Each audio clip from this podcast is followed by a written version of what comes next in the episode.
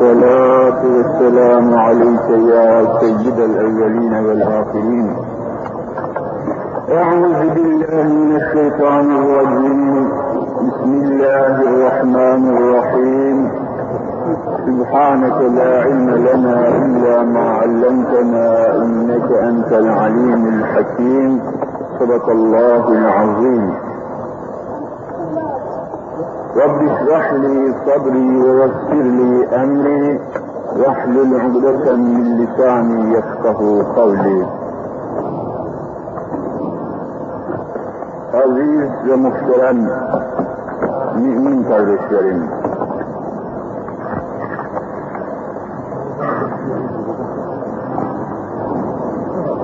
Yeryüzüne intihan maktabıyla gönderilmiş bulunan üstün insan, şerefli, akıl idrakiyle kuvvetli insan, yeryüzünde Allah'ın tayin ettiği ölçülere, Allah'ın gönderdiği öncülere, kendi hayatını ayarlayamaz ise, onun hayatı hem dünyada hem ahirette perişanlıktan başka bir şey olmayacak. Allahu Teala ve Tekaddes Hazretleri insanlara merhameten, lütfen hayatları boyunca takip edecekleri yolu, takip edecekleri istikameti bildirmek üzere kendi rahmetinin lütfu ihsanının eseri olarak وَمَا أَرْسَلْنَاكَ إِلَّا رَحْمَةً لِلْعَالَمِينَ Sırrının mazharı halinde Cenab-ı Muhammed Mustafa Aleyhisselatü Vesselam'ı öncü olarak göndermiş, rehber olarak göndermiş Onu gönderirken onun nezd-i saadetinde bir de ölçü, miyar, mizan, ölçü diye ifade ettiğimiz Hazreti Kur'an'ı göndermiş. Zalikel kitabu la raybe fih. Öyle bir kitaptır ki hak ile batılın arasını açmakta tek ölçü. Öyle bir kitaptır ki eğri ile doğrunun farkını gösteren kitap. Öyle bir kitap ki güzel ile çirkinin ölçülerini koyan kitap. Hangi şey güzel, hangi şey çirkin, bunun ölçüsünü insan tayin edemez. Çünkü bazı çirkin şeyler bir başkası için güzel olabiliyor. Bazıları için güzel olan şeyler başkaları için çirkin olabiliyor. Bunun değişmez ölçülerini Allahu Teala koymuş. Allahu Teala koymuştur. Bu ölçüye göre konuşmazsanız, bu ölçüye göre hareket etmezseniz, bu ölçüye göre hayatınızı tanzim etmezseniz, bütün hayatınız zehir olur. Ve ehli iman daha çok dikkat etmek zorundadır bu ölçülere riayet hususunda. Daha çok dikkat etmek zorundadır. Dikkat edin ki hemen aklıma gelmişken misal olarak arz edeyim. Bir Müslüman kadının, bir Müslüman kızın nasıl giyinirse, nasıl elbise giyerse güzel olacağını Allahu Teala tayin etmiştir. Nasıl bir elbise giyerse güzel olur? Bunun beyanı, izahı Hazreti Kur'an'ın Nur suresinin 31. ayetinde gösterilmiş. Ölçü budur. Bu ölçüye uymayan mahvolacak. Nefsini kaybedecek, neslini kaybedecek, izzetini, istetini, hayasını, her şeyini kaybedecek. Ve dikkat etmez de kelimeler halinde, konuşmalar halinde bu ölçüye de uygun hareket etmezse imanını da kaybedebilir. Nasıl kaybedebilir? Kitaplarda geçer malumunuzdur arz edeyim. Diyelim ki bir kız, ama Müslümanlar için konuşuyoruz. Hazreti Kur'an bu ayetiyle müminlere hitap ediyor. Kullil müminati Habibim Muhammedin aleyhissalatü vesselam. Sen mümin olan, Müslüman olan kadınlara söyle. Hristiyanların kadınlarına söylemeyesin diyor Rabbül Alem. Yahudilerin kadınlarına söylemeyesin. Onlar çünkü mükellef değil. Yahudinin kızı, Hristiyanın kızı, Amerikalısı, Asyalısı, Avrupalısı, gayrimüslim milletler kimi çıplak dahi dolaşabilir. Onlara Allah niçin çıplak gezdiniz diye sormayacak, niçin Muhammed'e tabi olmadınız diye soracak. Dikkat ölçü değişiyor. Bunun için kullil müminati, mümine, müslim olan, mümine olan, Allah'a, ahirete, Muhammedül Emine, iman eden Müslümanların kadınlarına, kızlarına söyle, Ya Resulallah. Bak değişiyor. Onun için biz de tabii Müslümanlar için söyleyeceğiz, ve ölçümüz de bu olacak. Bu cihetle nasıl bir elbise, nasıl bir kıyafet, nasıl bir moda, nasıl bir model diğerse güzel olacağını Kur'an-ı Kerim haber vermiştir. Nur suresi 31. ayeti. Bunu kimse değiştiremez. Nedir o? İşte eller ve yüz müstesna bütün vücut, başı, boynu, boğazı, bütün vücudu bileklerine kadar hatta bir eldiven de giymek suretiyle daha da latif olur, açık kemiklerine kadar tepeden tırnağa örtünecek.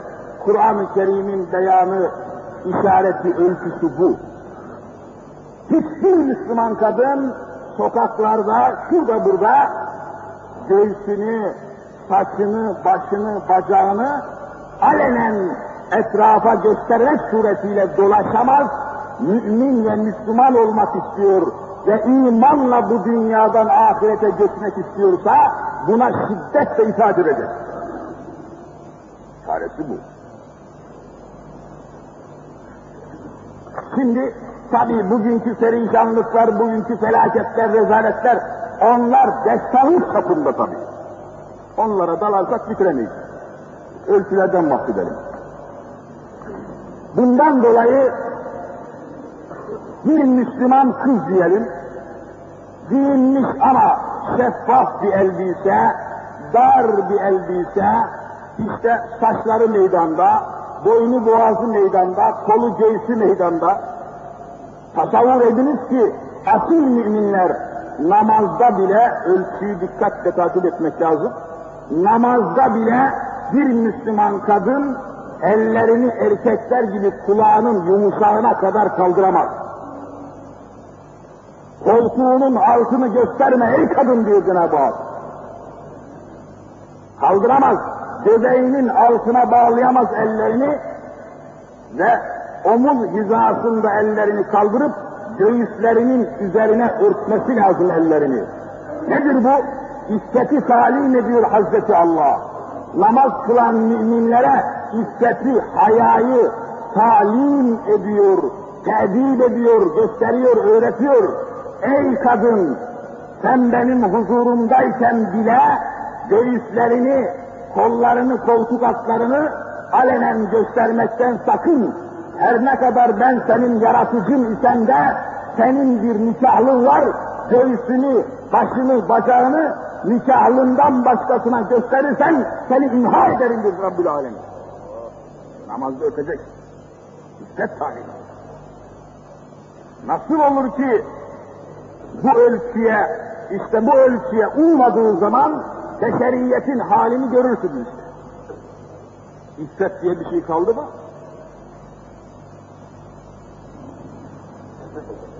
Bunlara alışa alışa, çıplaklığa, ilahi ölçülerin dışındaki hayata, dikkatinizi rica edeceğim, ilahi ölçülerin dışındaki hayata alışa alışa, gazeteyle, televizyonla, radyoyla, yayınlarla gözler alışa alışa öyle bir hale geliyor ki işte hayat tarzı bundan ibarettir zannettiriyor.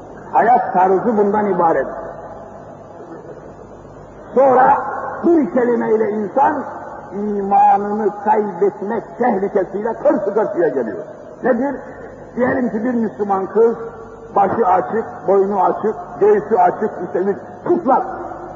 Kur'an'ın ölçüsüne uygun değil. Çıplak bir vaziyet ve elbise. Ona bugünkü tabirle dekolte kıyafet, sosyete kıyafeti, sosyete kıyafeti diyor.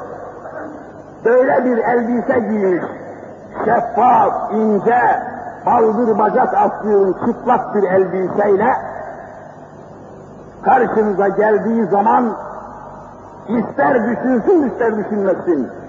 Böyle bir kıyafete, böyle bir elbiseye bakıp da aa ne güzel yakışmış, ne güzel olmuş derse bir insan derhal dört mesele göre Allah'ın sevmediği o kıyafet şeklini, o haramı ne güzel olmuş dediği için, haramı güzel gördüğü için, haramı güzel gösterdiği için aman ne güzel yakışmış dediği dakikada derhal kafir olur. İmanı gitti adam. Bu kelimeyle. Şakası yok bu işin. Allah'ın hudutlarına göre hayat tanzim edilecek. Değilse insanın mümin kalması da kabil değil. Gide gide alışa alışa diliyle, haliyle o hali beğenecek. Ne güzel, aman ne kadar güzel yakın, o ne tatlı, yandın işte. Yıkıldın. Ölçü bunun için ehemmiyetli. Bunun için ehemmiyetlidir kardeşlerim.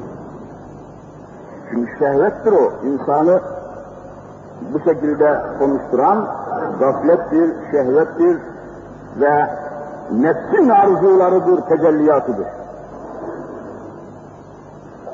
Bakınız Hazreti Kur'an bunu şöyle haber veriyor.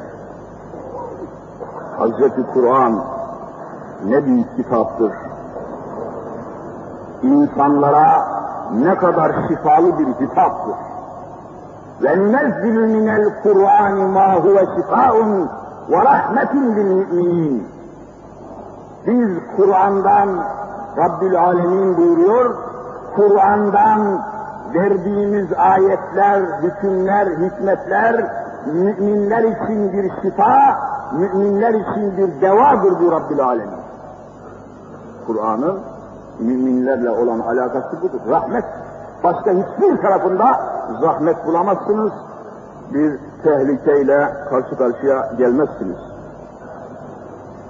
Kur'an-ı Azimüşşan'ı inzal eden Rabbil Alemin Habibine hitap ile Taha ma enzelna aleykel Kur'ane liteşka Habibim, Resulüm Muhammed'in. Sen üzülme, sen sıkılma. Biz Kur'an-ı Kerim'i sen zorluk çekesin, zahmet göresin diye değil, meşakkat altında kalasın diye değil, rahmet ol, rahmet olsun, bütün insanlığa şifa ve deva olsun diye zahmet olmasın, sıkıntı olmasın, zorluk olmasın diye Kur'an-ı Azimüşşan'ı imzal ettik buyuruyor. Bütün bunlar gösteriyor ki Kur'an ölçüsüyle yaşanılan bir hayat tepeden tırnağa saadet hayat olacak. Kur'an ölçüsüne göre yaşanmayan bir hayat tepeden tırnağa felaket olacaktır. Yeryüzünün hali bunun ispatıdır. Görmüyor musunuz bütün dünya, bütün dünya adeta beşeri zelzeleler altında, zulümler altında. Bir bakıyorsunuz işçiler isyan ediyor. İşçiler isyan ediyor. Ne istiyorsunuz? Hak istiyoruz diyorlar. işçiler hak istiyoruz. Onlar oturuyor, işverenler isyan ediyor. İşverenler isyan ediyor. Siz ne istiyorsunuz? Onlar da hak istiyoruz diyorlar. Onları oturtuyorsunuz, bu sefer öğrenciler isyan ediyor, talebeler. Ne istiyorsunuz? Hak istiyoruz. Onlar da arkasından öğretmenler isyan ediyor. Dernek, cemiyet, federasyon isyan. Siz ne istiyorsunuz? Onlar da hak istiyoruz diyorlar. Onlara oturtuyorsunuz, kadınlar kalkıyor. Kadın dernekleri. Ne istiyorsunuz kadınlar? Hak istiyoruz. Onlar da haktan bahsediyor. Onlar oturuyor, bu sefer çocuklar kalkıyor. Çocuklar, çocuk, siz ne istiyorsunuz? Hak istiyoruz. Bütün dünya karma karışık içerisinde. Ya nedir şu hak? Şu hakkı bir anlayalım. Nedir bu hak? Hak nedir? Alenen ve bütün müminlerce bilinen meseledir ki hak demek Allah'ın ismidir. Bilsin veya bilmesin, işçisi de, işvereni de, kadını da, erkeği de, zengini de, fakiri de artık bu hayat tarzından bunaldı, bunaldı, bunaldı. Hepsi Allah'ın hükmünü istiyorlar. Allah'ı istiyorlar. Bilerek bilmeyerek. İlahi iradeyi istiyorlar. Allah'ın iradesi insanlara rahmettir, insanlara berekettir, insanlara huzurdur. Allah'ın muradı daima hayırdır, hakikattir. Evet. Kur'an-ı Azimüşşan bunu şöyle haber veriyor. Estaizu billah. Linnâsi hubbu şehevâti minen nisâi vel benîn. İnsanlar ne garip mahluklar. Aklı, idraki, şuuru var ama bir de onun nefsi var. Nefis oturmuş sinesine nefis demek insanı durmadan kötülüğe, şerre, fenalığa zorlayan kabiliyet. Nefis korkunç bir şey. Bunu bunu İslam ahlakında, İslam tasavvufunda, tasavvuf ve İslam ahlakında binlerce kitaplar yazmak suretiyle meseleyi teşhir etmişler. Mütemadiyen onunla mücadele halinde olacak mümin. Ölçü bu. Onunla mücadele etmezsen, onunla çarpışmazsan perişansın. İnsana en yakın düşman, insanın içinde ve içinizde bulunan bir düşman halinde nefsin arzuları, nefsin istekleri, nefsin zorlamaları, nefsin tahriki, nefsin tahribatına karşı daimi bir mücadele halinde olacak bir Müslüman. Nedir mesela?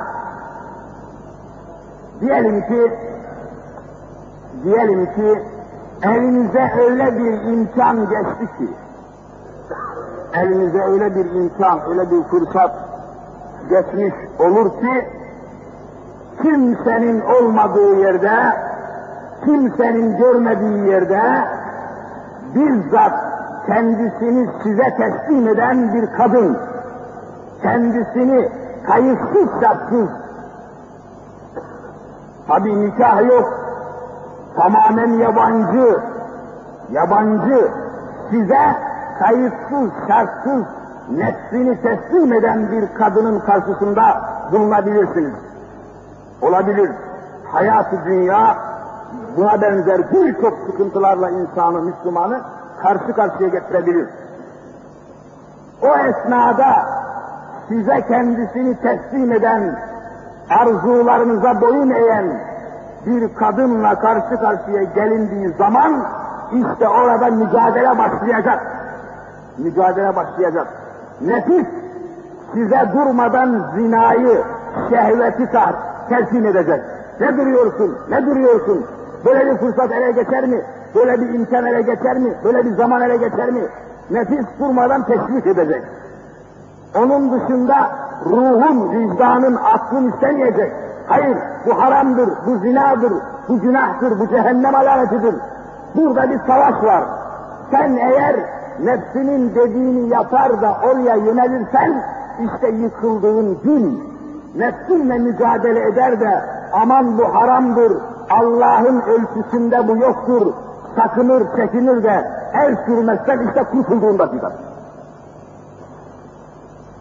Bu terbiyeyi siz gençliğe vermezseniz, bu terbiyeyi, bu İslam ahlakını mekteplerde, okullarda okutmazsanız, bütün nesillerinize bu hakikatleri talim ve telkin etmezseniz, kim, hiç kimse kimseyi durduramaz.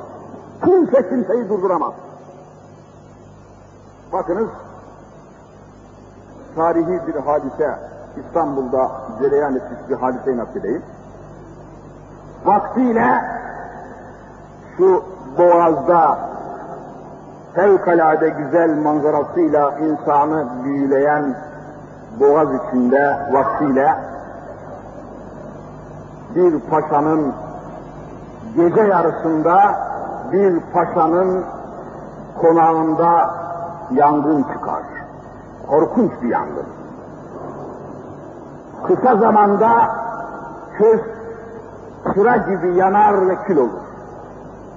Paşanın da tek bir tane kız çocuğu vardır, yetişkin, tamam, her haliyle fevkalade güzel ve müstesna bir kızı vardır. Gece yarısı yatağından telaşla, korkuyla dışarıya fırlamıştır. Her taraf alevler içerisinde kendisini sokağa atmıştır. Öyle bir vaziyette de sokakta kalamayacağına göre koşuşur ve orada yakında bir caminin avlusuna kendisini atar. Avluda kimse yoktur. Bakar ki kulübe gibi basık, perişan bir evin penceresinde ışık yanıyor. Kendisini hemen kapıya atar, kapıyı çalar çalmaz içeriden genç bir delikanlı çıkar. Buyurun kardeşim, hayrola bu nedir, bu ne haldir demeye fırsat kalmadan kız kendisini içeri atar. Zaten korku, dehşet, bir kabus gibi. O anda hiçbir şey düşünemeden içeriye atar. Çocuk korku ve endişe içinde içeriye. Kardeşim siz nereden geliyorsunuz, ne oldu, kimsiniz? İşte anlatır kendisine geldikten sonra yangın çıktı, canımı kurtardım, sokakta kaldım, buraya sığınmak zorunda kaldım kardeşim. Lütfen burada kalmama müsaade ediniz der. Çocuk haya ve istek terleri ve tazikleri altında bir kenara çekilir, zaten ders çalışmaktadır, kitabının üzerindedir, o zaman elektrik falan da yok, bir mum ışığının aydınlığında ders çalışmaktadır.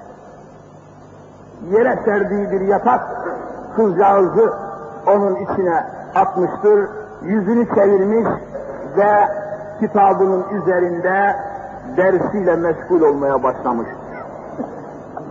O esnada demin bahsettiğim mesele, nefis bütün tazlisiyle, tebihisiyle gencin üzerine çiğyanmış.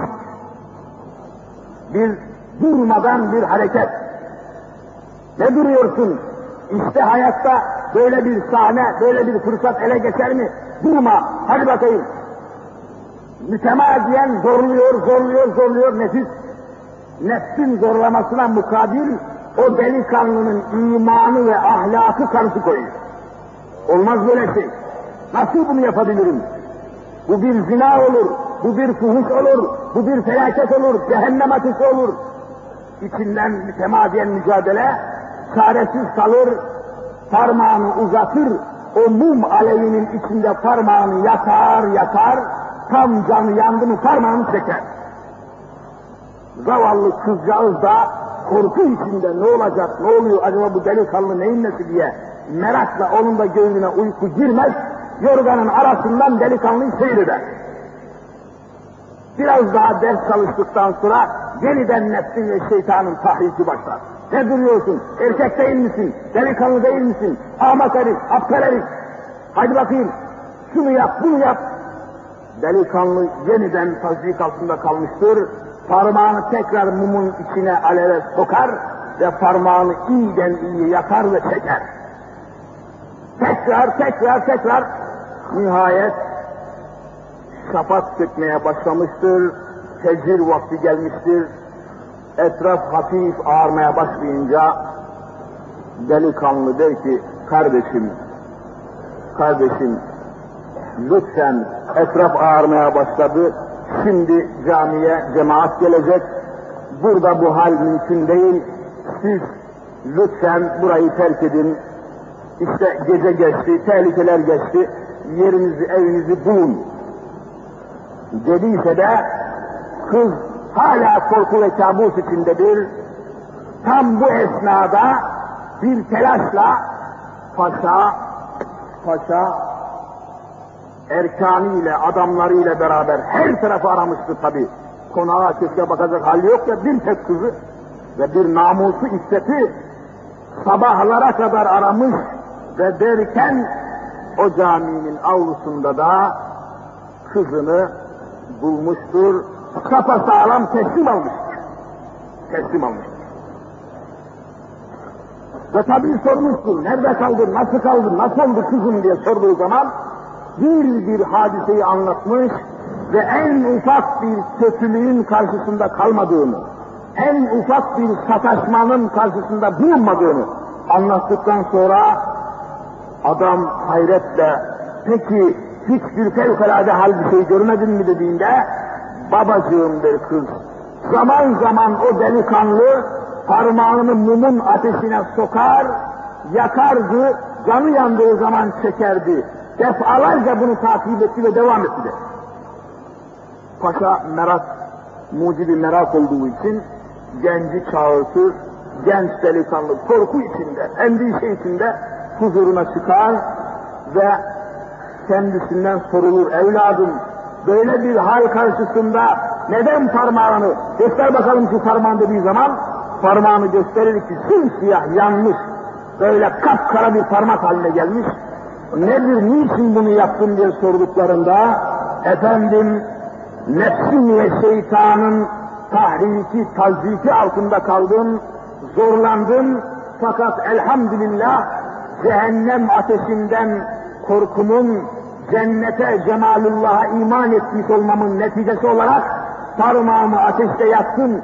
Ey nefis şu mumun ateşine bile dayanamıyorsun. Cehenneme nasıl dayanırsın? Sen benim düşmanımsın. Seni reddediyorum, senin arzularını kabul etmiyorum dedim. Sabaha kadar mücadele ettim ve mücadeleyi kazandım paşam der. Ateş. Demek ki cemiyete, gençlere ve her çeşit fenalıkların önüne geçilmesine tek bir çare var, tek bir şey var. O da gördüğünüz gibi Allah'a ve ahirete olan imanı canlı bir hadis olarak hayatta yaşamak. Bunu terkil etmek. Onun üzerine paşanın fevkalade hoşuna gider, bu iman karşısında hayran olur ve der ki evladım fakru zaruretini de görmüş olduktan sonra seni artık bırakmayacağım. Bu kızımı da Allah'ın emriyle sana nikahlamak suretiyle seni sarayına alıp istediğin gibi okutup insan-ı kamil olma yolunda bütün gayretini bezledeceğimdir ve mesut bir neticeyle şu mübarek iman sahnesi bütün tecelliyatıyla ortaya bu tarih kitaplarında, nasihat kitaplarında aynen geçmektedir.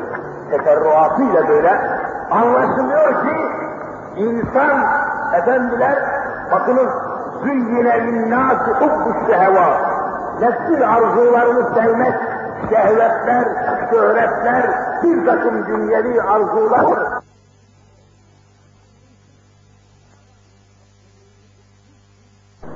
sanki her birimizin başında bir kuş varmış. Bir kuş oturuyormuş başımızda da kıpırdasak okmuş başımızdan uçacakmış gibi kıpırdamadan Allah'ın Resulünü lezzetle, izzetle ve ibretle takip ederdik diyorlar. Ve bunun neticesi olarak da sahabe sınıfının şerefine, sahabe olmak izzetine malik olmuşlardır. Efendiler, onlar öyle hakiki bir ölçüyle hayatlarını tanzim etmişler ki, öyle bir ölçü takip etmişler Kur'an'ı, öyle yaşamışlar, Allah'ın Resulüne öyle ittiba etmişler ki, bütün ibadet, hayattan gaye ibadet, hayattan gaye Allah'ın rızası, hayattan gaye cennet-i cemal, hayattan gaye Allah ve Resulünün muhabbeti diye tespit etmişler. Bu ölçüden bir saniye kaçmamışlar. Bütün hayatlarını bu ölçü içinde tutmuşlar. Bakınız, hayretle insan okuyor İslam tarihinde, İslam tarihinde hayretle okuyoruz, merakla okuyoruz. Eshab-ı kiramdan Hazreti Talha var radıyallahu teala anh. Talha bu mübarek zat, bu mübarek sahabe bir gün evinde namaz kılarken namaz esnasında Allah'ın divanında dururken evin önünde de bir bahçesi var Talha'nın, bir hurma bahçesi. Güzel bir hurma bahçesi. Tam namaz esnasında kıble istikametinde o hurma bahçesi. Pencereden görünüyor. Tam o namaz esnasında bir kuş geliyor, pencerenin önündeki hurmanın dalına konuyor kuş. Derken namaz esnasında Hazreti Talha'nın gözü gözü bir anda kayıyor ve kuşun üzerine çevriliyor. Namazda bir an huzuru bozuluyor. Kuşun şöyle hareketli gelmesiyle namazdan gözü kayıyor, pencereden ağaca, ağaçtaki kuşa gözü ilişince huzuru bozuluyor ve namazdan selam verip çıkar çıkmaz sokağa fırlıyor Talha. Sokağa fırlıyor ve sokakta bir dellal çağırıyor. Dellal çağırıyor. Al sana şu kadar para, etrafa bağır, fukarayı müslimine delalet et, söyle, beni namazda huzurumdan geri koyan, Allah'ın huzurundayken beni bu huzurdan mahrum eden, meşgul eden bu hurma bahçesinin tamamını fakirlere tasadduk ettim. Kitap vermiyor. Namazda benim alakamı dikkatini çeken bu hurma bahçesinin tamamını Allah için yoksullara, fukarayı müslimine tasadduk ettim git söyle. İşte onların kıldığı namaz böyleydi aziz müminler. Onların kıldığı namaz böyleydi. Bizim kıldığımız namaz da böyle. Namaza durduktan sonra kendi nefsinle dahil olmak üzere şeytan ve nefis öyle zorluyor ki namazın başından sonuna kadar namazdan evvel aklımıza gelmeyen hesaplar, bilançolar, senetler, sepetler, müşteriler, dükkanlar, tezgahlar, ticaretler namazda aklımıza geliyor da selam verene kadar o hesaplarla, o rakamlarla meşgul oluyor, böyle bir namaz kılıyoruz. Elbet size hükmedemiyor o zaman. Namazın sureti var bizde, fakat hakikati yok. Namazın sureti var, şekli var. Şeklen görenler namaz kıldığımızı, fakat hakikati, ruhu, özü, iç yüzü mevcut olmadığı için bu namaz bizim ellerimizi kötülüklere karşı tutamıyor. Tutamıyor. Evet. İşte bunlar böyle. İnsana insana dinin hakikatleri, ilahi emirler, ilahi ölçüler öyle hükmedecek ki, insanı zerreleriyle, hücreleriyle öyle tutacaktır ki, en ufak bir hadise karşısında, en ufak bir nefsin arzusu karşısında hemen o ölçüler bütün canlılığıyla tecelli edecek ve insanın elini, ayağını, dilini ve yönünü sımsıkı tutmak suretiyle Mevlasından ayrılmasına mani olacak. Mani olacak. Aynı şekilde bu ölçüyü tabi Eshab-ı Kiram Allah'ın Resulünden alıyorlar. Allah'ın Resulünden alıyorlar. Bakınız, bakınız bir gün Hazreti Muhammed Mustafa sallallahu aleyhi ve sellem Efendimiz ikindi namazını kıldırıyorlar. Mescid-i Saadet'te ikindi namazını tabi cemaat halinde kıldıktan sonra Allah'ın Resulü selam veriyor. Sahabe-i kiram da ona tabi olmuş durumda. Selamı verir vermez cemaatin böyle arasından telaşla, endişeyle omuzlarını ayrı ayrı Müslümanların süratle camiden çıkıp gidiyorlar. Hücre-i saadetlerine giriyorlar. Bir müddet kaldıktan ve görünmedikten sonra tekrar mescide azdet buyuruyorlar. Geri dönüyorlar. Sahabe-i kiram endişe içinde. Acaba ne oldu? Resulullah'ın süratle aramızdan ayrılmasının sebebi ne olabilir? Böyle bir adeti yoktu. Böyle bir hali yoktu. Ne oldu acaba diye merakla, endişeyle bekleşiyorlardı. Allah'ın Resulü geldi. Merak ettiğinizi anlıyorum dedi. Anlıyorum. Şuydu mesele. Mesele şuydu deyip haber verdiler. Buyurdular ki evde, elinde fukaraya dağıtılmak üzere bir miktar bir miktar mal vardı. Dağıtılmak üzere fukaraya dağıtılması icap eden bir miktar mal, kıymetli mal vardı. Namazdan hemen sonra aklıma geldi. Namazda değil, namazdan hemen sonra. Aman şu gecikmesin, şu mal, şu eşya, şu mülk elinde ve elinde kalmasın. Cenab-ı Hakk'ın ne zaman insanın ruhunu alacağı meşguldür. Şu elinde kalmasın diye süratle gittin, onun dağıtılmasını emrettin, geri döndün buyuruyor. Beklemek yok. Ölçü bu işte. Neyi bekliyorsun ki? Hayatın hiçbir saniyesi, hiçbir dakikası, hiçbir günü, hiçbir gecesi senin elinde, emrinde olmadığı halde, hayata hükmedemediğin halde, gecenin yarısı olduğu zaman gaybi bir kudretle gözlerini kapatıp seni uykuya zorlayan bir şey olduğu halde, uykuya, uyanmaya karşı koyamadığın halde, midenin çalışmasını durduramadığın halde, kalbinin çalışmasını durduramadığın halde, böbreklerine emir veremediğin halde, tırnaklarına emir veremediğin halde, saçına büyümeyeceksin diye emir veremediğin halde, hayata malik ve hakim olamadığın halde nereye güveniyorsun başka? Neye güveniyorsun ki? O halde biz ölçüsüz yaşıyoruz. Biz ölçüsüz ilahi ölçülere uygun yaşayamadığımızın perişanlığını çekiyoruz. İmam-ı Gazali rahmetullahi teala aleyhil bari öyle diyor. Ne kadar hoşuma gider. Der ki evvelce müminler başta eshab-ı kiram, sahabeler, tabiler, daha sonraki bütün Müslümanlar hayatlarında ne kazanırlarsa onları ölmeden evvel gönderirlerdi. Tasadduk ederlerdi, teberru ederlerdi, Allah yoluna verirlerdi, ellerinde bir şey bırakmazlar, yığmazlar, yığınak yapmazlardı diyor.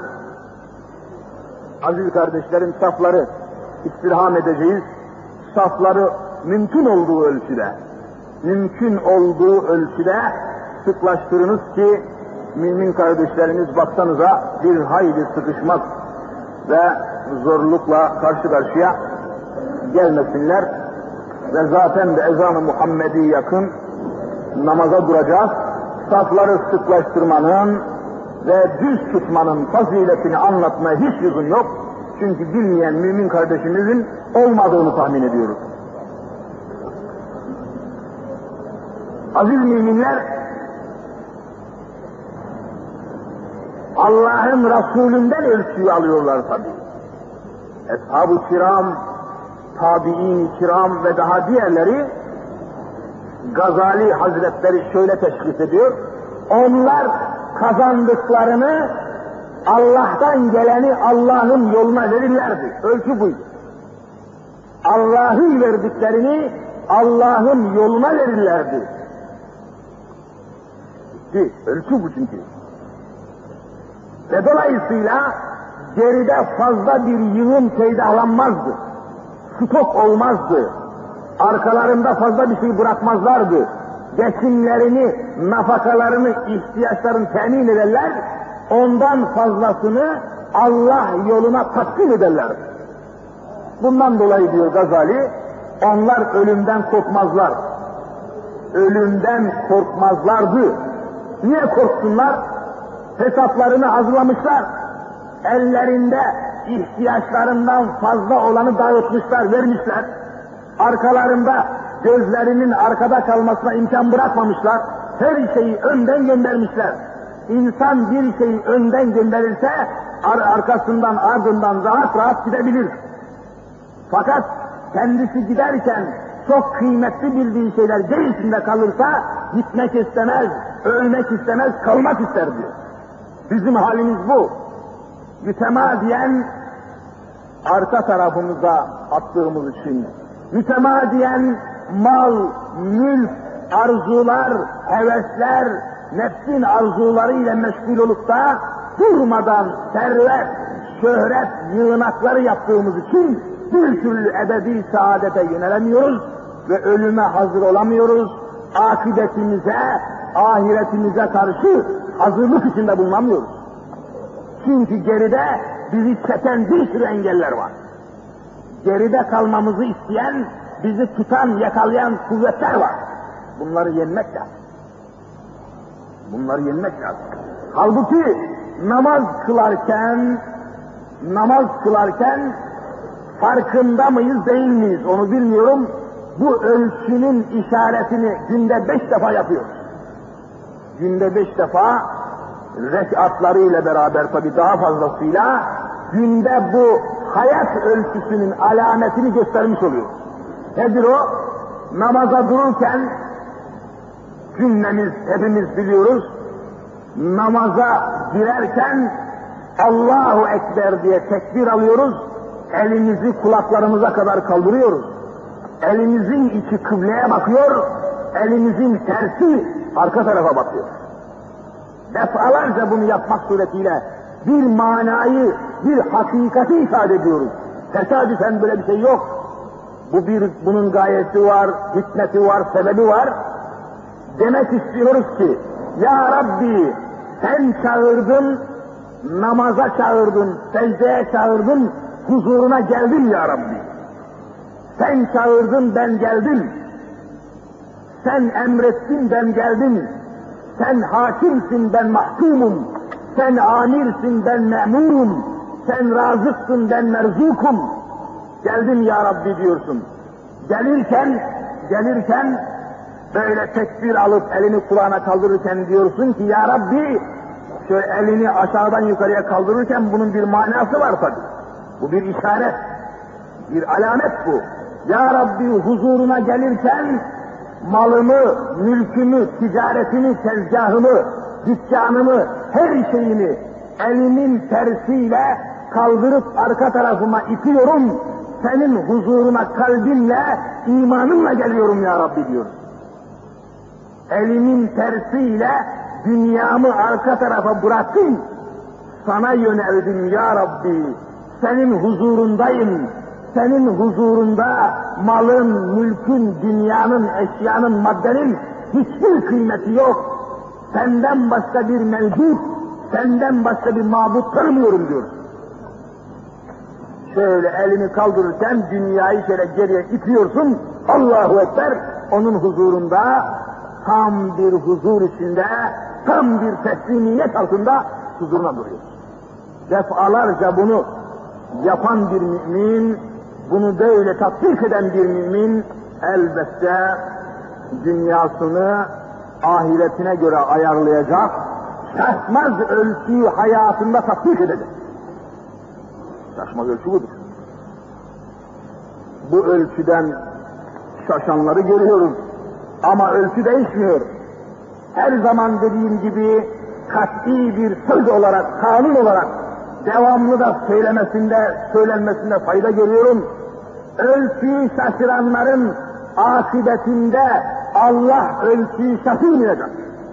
Hiç ölçü şaşmaz.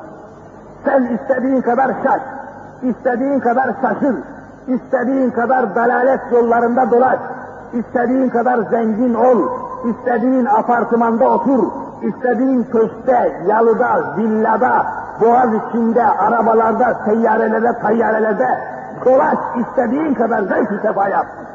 İstediğin kadar makamın mevkin olsun, ister cumhur reisi ol, ister gece bekçisi ol, neticede, neticede, neticede ölçü şaşmıyor. Boyunun ölçüsüne göre tabutunu yapıyorlar, boyunun ölçüsüne göre kefenini biçiyorlar, boyunun ölçüsüne göre seni kadrin içine defnediyorlar, toprağın altına gönderiyorlar. Ölçü şaşmıyor. Sen şaşırsan onun senin ne kadar şaşırman, ne derece şaşırman hiç mana ifade etmiyor. İşte aziz müminler ezan-ı Muhammedi okundu. Hayatımızı bu ölçünün emrine verelim. Bu ölçüler dahilinde hayatımızı tanzim edelim. Dediğimizin manası, muhtevası, şumulu bundan ibarettir. Gelecek dersimize meselenin bir başka yönünü inşallah ele almak vaadiyle bugün dersi keseyim. Bu arada aziz kardeşlerim, devamlı ve sık sık söylüyoruz, sizi hayra ve yardıma teşvik ediyoruz. Bugün de Şişli Ortabayır Merkez Camii'nden yardımlarınızı almak üzere gelen bir kardeşlerimiz var. Orada 10 milyonluk bir inşaata, Kur'an kursu vesaire hayırlı hizmetlere yatırım yolunu açmışlar. Yardımınızı talep ediyorlar, himmetlerinizi, hizmetlerinizi bekliyorlar. Böyle kardeşlerimize emin, güvendiğimiz, tanı tanıdığımız, müştülüğümüzle de tamamen tanıyıp bildiğimiz kardeşlerimizdir. Sakınmadan, güvenerek, inanarak yardım etmenizi zaten bir vazife-i dini olarak haber vermiş oluyoruz. Cenab-ı Hak şimdiden dergâh-ı hüccetine makbul edin. İlahi ya Rabbi ve ya Rabbel alemin günahlarımız var affeyle. Kusurlarımız var mağfiret eyle. Ayıplarımız var. Eksiklerimiz var ikmal eyle. Nefsimiz azgın, nefsimiz azgın ıslah eyle ya Görünür görünmez belalardan, bilinir bilinmez musibetlerden, fitnelerden, facialardan, sefaletlerden, felaketlerden, içimizde ve dışımızda bulunan her çeşit düşman tuzağından İslam alemini ve bahusus Müslüman Türkiye'mizi muhafaza eyle ya kelime-i şehadet ki ciddiyetle, vecde, aşkla buyurunuz.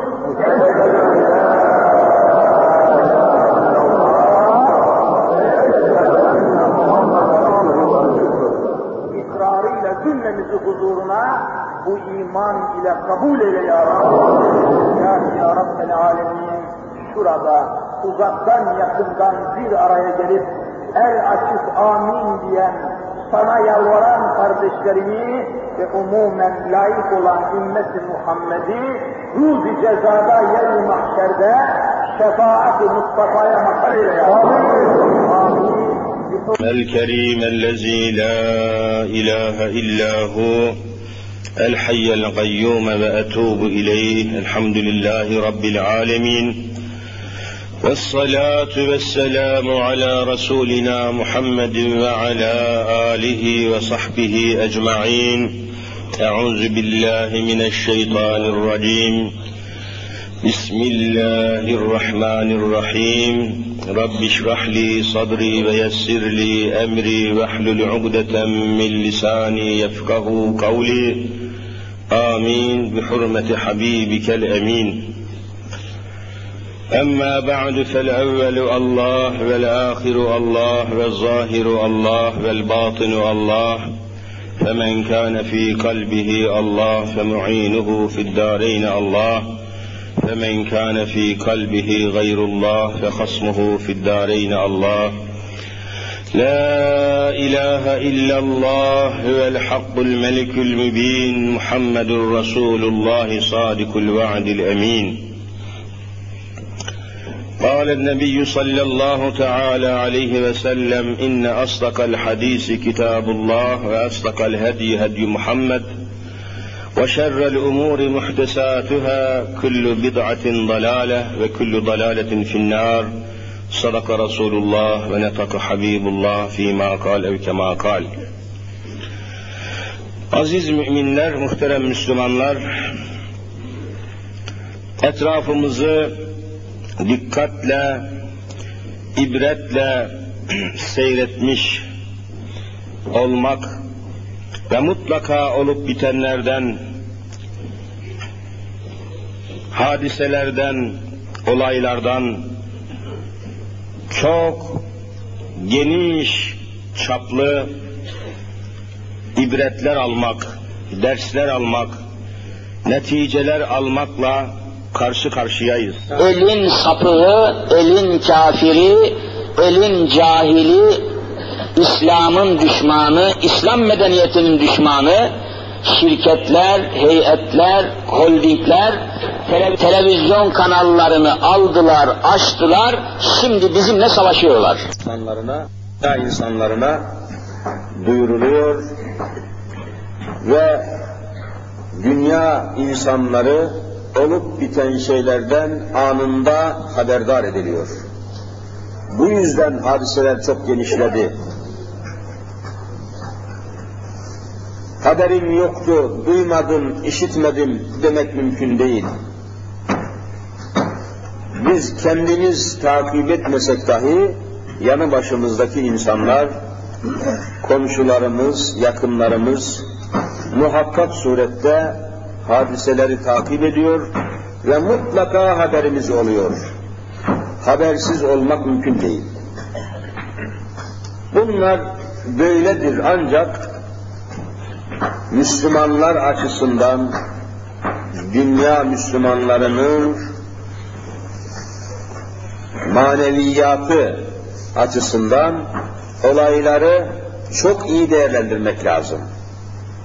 Çok iyi değerlendirmek lazım Ve ibret dediğimiz ibret dediğimiz neticeye ulaşmak lazım.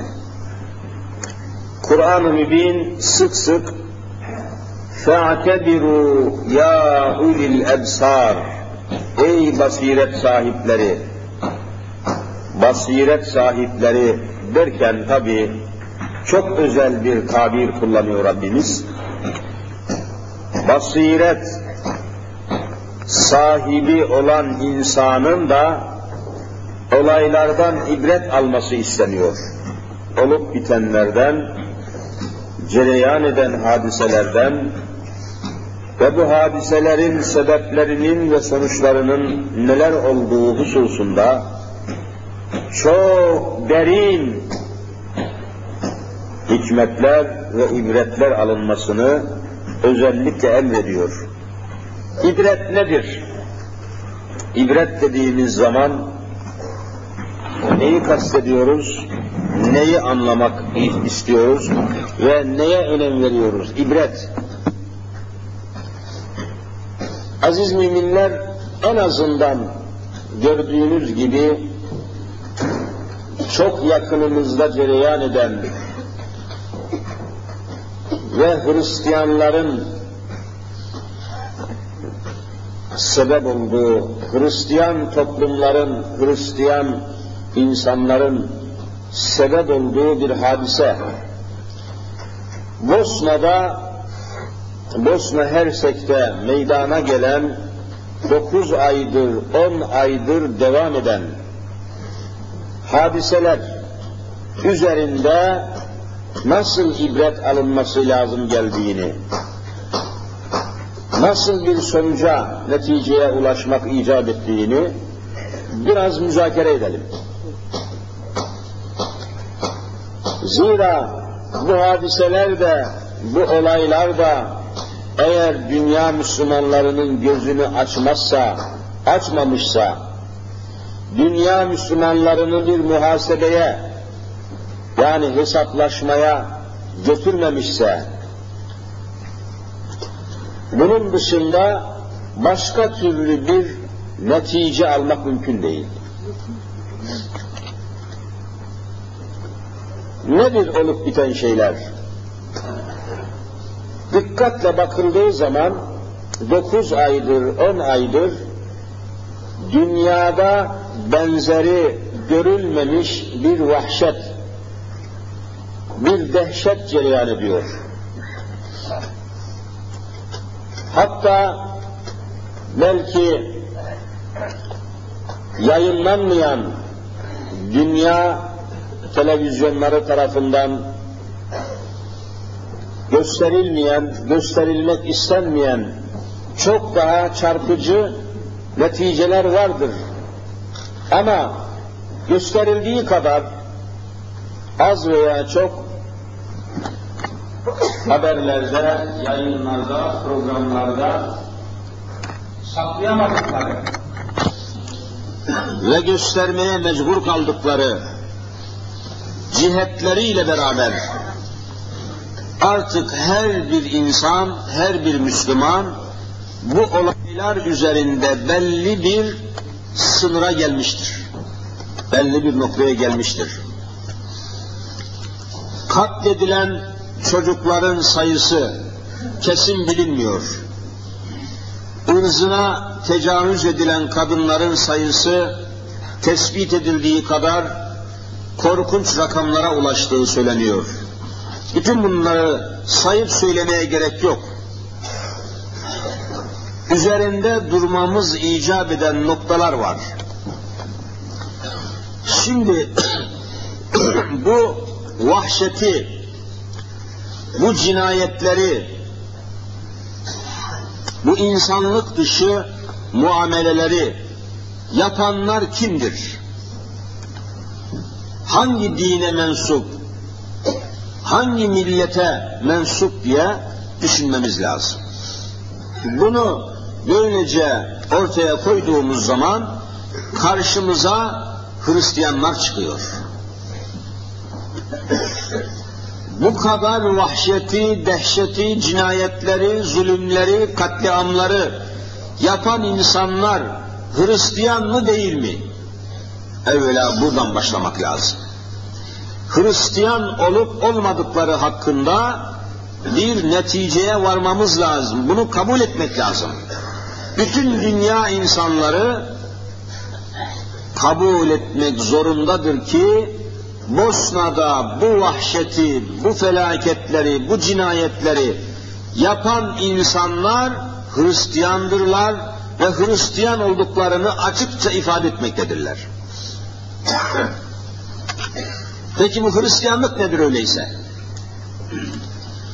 Bu Hristiyanlık nasıl bir din, nasıl bir inançtır ki masum çocukları kesiyor? Bu Hristiyanlık nasıl bir inanıştır ki masum ihtiyarları ve kadınları akıl almaz işkencelere ve zulümlere maruz bırakıyor. Ve devam ederek Hristiyan dünya, başta Avrupa olmak üzere, Avrupa'da tümüyle Hristiyan bir dünya biliyorsunuz. Avrupa nasıl oluyor da bu canavarlıklara, bu vahşiliklere, bu cinayetlere, bu katliamlara nasıl seyirci kalıyor? Niye karşı koymuyor? Hangi sebebe dayanıyor? Bütün bunları Müslümanlar olarak düşünmüş olmamız ve yeniden bir muhasebe yani hesaplaşma noktasına gelmemiz lazım. Müslüman olarak bu olaylara çok iyi teşhis koymamız lazım. Düşünün ki Bosna'da Hristiyan dediğimiz Sırplar, Hristiyanlık inancını taşıyan kiliselere çok şiddetle bağlı olan bu Hristiyan Sırplar ve onları destekleyen Hristiyan Avrupa nasıl bu kadar zalim olabiliyor? Nasıl bu kadar zulmü ve vahşeti inançlar, inançlarıyla, Hristiyanlıkla nasıl bağdaştırabiliyorlar? Önce buraya temas etmek lazım. Efendiler, adamlar öyle bir inanca, öyle bir düşünceye, öyle bir felsefeye, öyle bir kanaate sahip ki, kendileri gibi düşünmeyen, kendileri gibi inanmayan, kendileri gibi kiliseye bağlı olmayan insanlara insan gözüyle bakmıyorlar. Suçlu, mücrim gözüyle bakıyorlar, öldürülmeleri lazım gelen insanlar diyerek değerlendirme yapıyorlar. Bunun da çok daha derinlere giden izahları var. Hristiyanların inancı, inanç yapısı, itikat yapısı olarak ta eski temellere kadar uzanıyor. Kısaca buraya temas ederek günümüzün konularına geleyim. Efendiler, bugün Hristiyanlığın dayandığı bir inanç var. Bir şeye inanıyor. Bütün dünya Hristiyanları, Avrupa'daki Hristiyanlar, Amerika'daki Hristiyanlar, Afrika'daki Hristiyanlar, Asya'daki Hristiyanlar, dünyanın neresinde Hristiyanlar varsa onların bir inancı var. Ortak, temel inançlarından birisi var. Allah aşkına bunu unutmayın. Bütün vahşetlerinin, bütün dehşetlerinin temelinde bu sapık ve bu sakat inanç var. Onu arz ediyorum. İnançlarına göre, Hristiyanların inancına göre değişmez bir inanç onlarda bu. En küçüğünden en büyüğüne kadar bütün Hristiyanların taşıdığı, beyninde, fikrinde taşıdığı inanç aynen şöyle. Onlar diyorlar ki, her doğan çocuk, her doğan insan yeryüzüne suçlu olarak gelmektedir. Bir suç psikozu altındalar. Her doğan çocuğu suçlu olarak dünyaya gelmiş kabul ediyorlar. Niye? Dertleri ne? Nereden kaynaklanıyor? Her doğan yavru suçlu olarak dünyaya gelir mi? Gelir. Bunlar böyle inanıyorlar. Nereden kaynaklanıyor? Efendiler onlar şu noktada belli bir fikre, belli bir inanca saplanmışlar. Diyorlar ki Hazreti Adem aleyhisselam Hazreti Adem aleyhisselam cennette Allah tarafından yasaklanmış bir ağaçtan meyve yedi mi yemedi mi? Yedi diyorlar Hristiyanlar. Yani Hazreti Adem Hristiyanların itikadını söylüyorum. Hazreti Adem cennette günah işledi diyorlar. Haram işledi, günah işledi. Allah'ın yasaklamış olduğu ağaca yaklaştı. Oradan meyve yedi. Suç işledi diyorlar. Yani Hazreti Adem suçludur. Hristiyanların inancını söylüyorum. Bunu anlamadan Bosna Hersek'teki vahşet anlayamayız.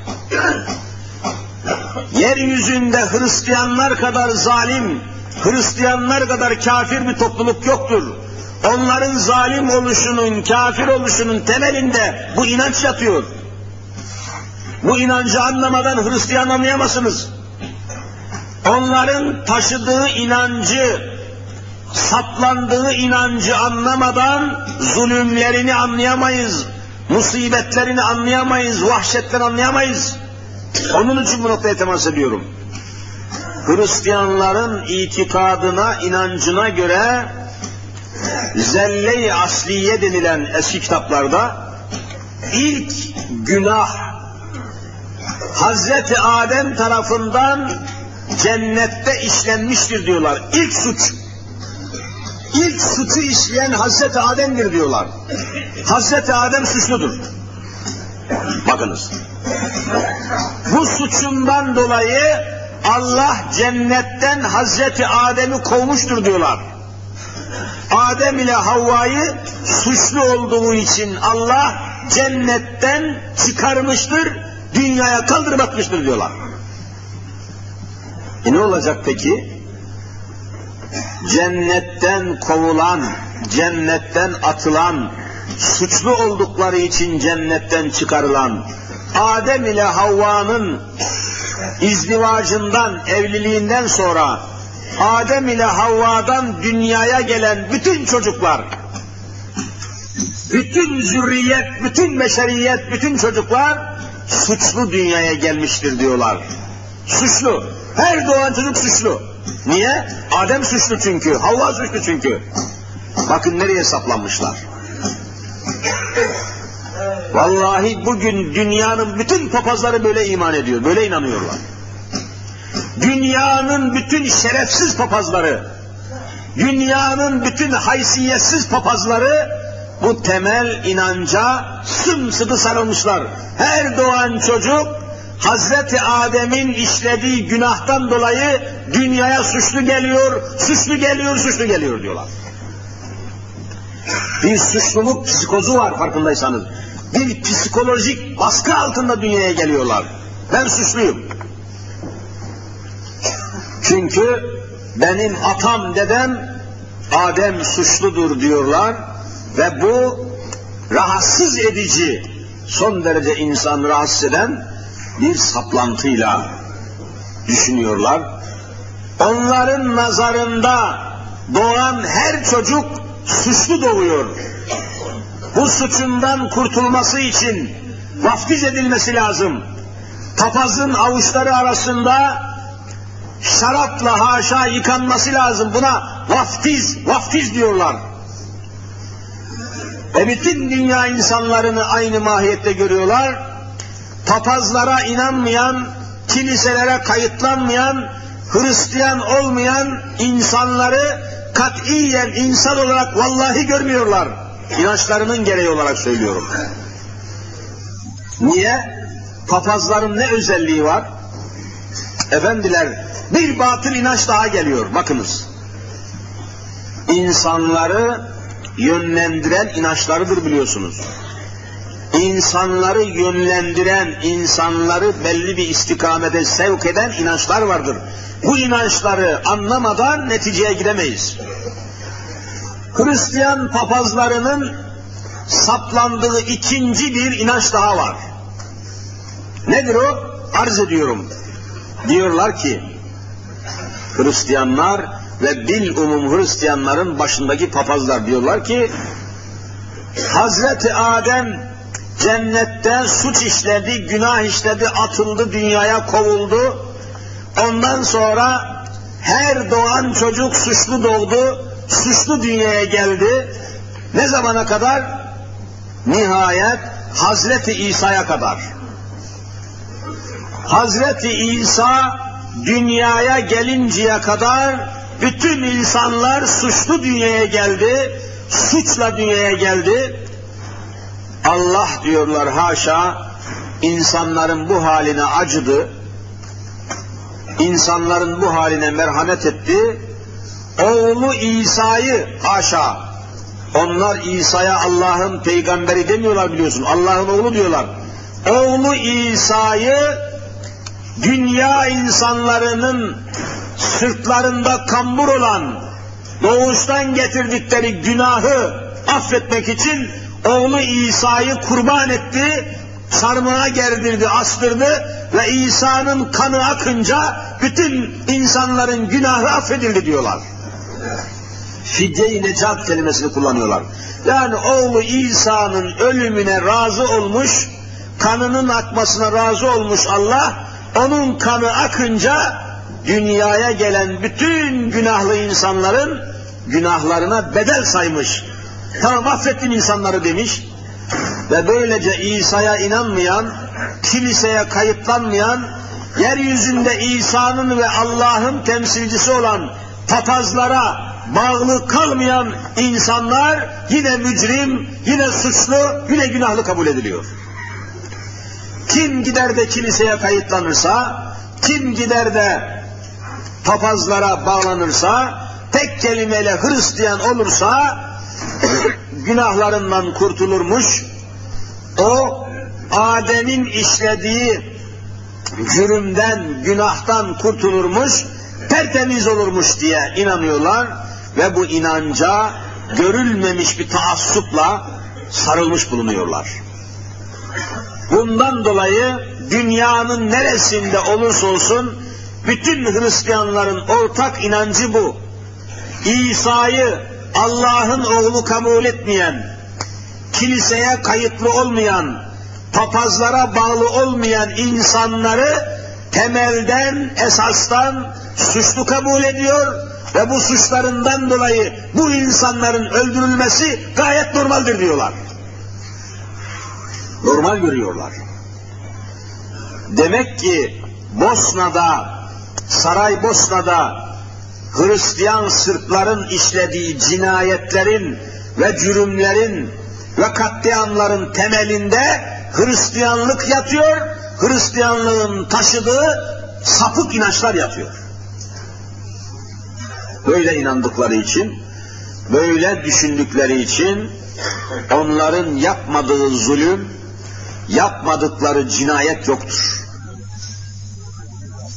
Halbuki dini İslam'da bu saçmalıklara, bu sapıklıklara asla yeri verilmemiştir. Hazreti İsa'yı kimse öldürememiştir. Kimse ağaca, çarmıha gerememiştir, asamamıştır İsa'yı. وَمَا قَتَلُوهُ وَمَا صَلَبُوهُ Rabbimiz diyor ki onlar İsa'yı öldüremediler. İsa'yı çarmıha geremediler. Hayır, iftira ve Allah'ın dininden sapma olarak meydana gelmiş ve bu sapıklığın adını Hristiyanlık koymuşlar. O günden bugüne dünyada Hristiyanların işlediği cinayetlerin haddi hesabı yoktur. Her bir Hristiyan bu cürümlere, cinayetlere ortaktır inanç bakımından. Dünyanın hiçbir Hristiyanı aklen salim değildir, vicdanen salim değildir, ahlaken salim değildir. Hristiyan insan sapık insandır. Hristiyan insan adeta ruhi bir sapıklığın içindedir. Çarpıklığın içindedir. Normal bir insan değildir. Her bir Hristiyan canavardır. Her bir Hristiyan cinayet şebekesidir.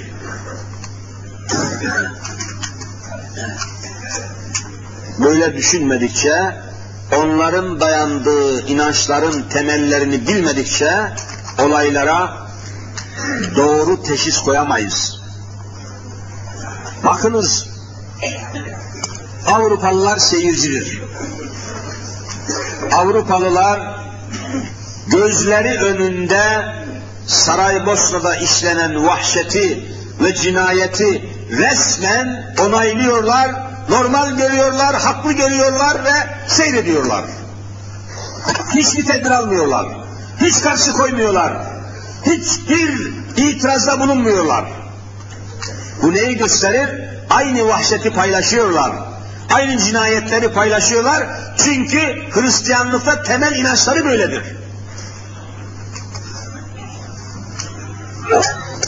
Hatta tarihte işlenmiş cinayetlerden daha korkunç cinayet işliyorlar. Mesela bakınız tarihte Firavun diye bildiğimiz Kur'an-ı Kerim'in de üzerinde çok durduğu bir kafir var. Firavun diyor.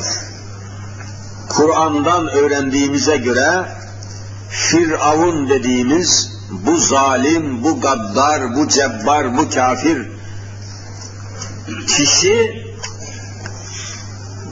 tabi bir sülalenin ismi olarak Mısır'da cereyan etmiş bir idare Firavunlar sülalesi olarak Firavunlar zinciri olarak tarihte gelmiş ve geçmişler. Bu Firavunlardan bir tanesi biliyorsunuz kısa temas edeyim ve fazla işin izahıyla uğraşmayalım. Özüyle ve bize lazım olan cihetiyle alakadarız bu konuyla. Bu firavunlardan bir tanesi günün birinde günün birinde bir erkek çocuk dünyaya geleceğini ve bu erkek çocuğun da yetişerek Firavun'un iktidarını, Firavun'un hakimiyetini elinden alacağını söyleyen sihirbazlar karşısında kahinler, gayıptan haber veren zalimler karşısında derhal Firavun telaşa kapılıyor. Paniğe, telaşa kapılıyor. Biliyorsunuz bunlar hayli geniş meseleler. Oralara girmeyelim. Aldığı hiçbir ilmi olmayan, gayıptan haber veren kişiler tarafından ortaya atılan bir haber üzerine bir erkek çocuk dünyaya gelecek ve bu erkek çocuk Firavun'un makamını, tahtını, tacını, iktidarını, hakimiyetini elinden alacak haberine dayanarak derhal tedbir alıyor.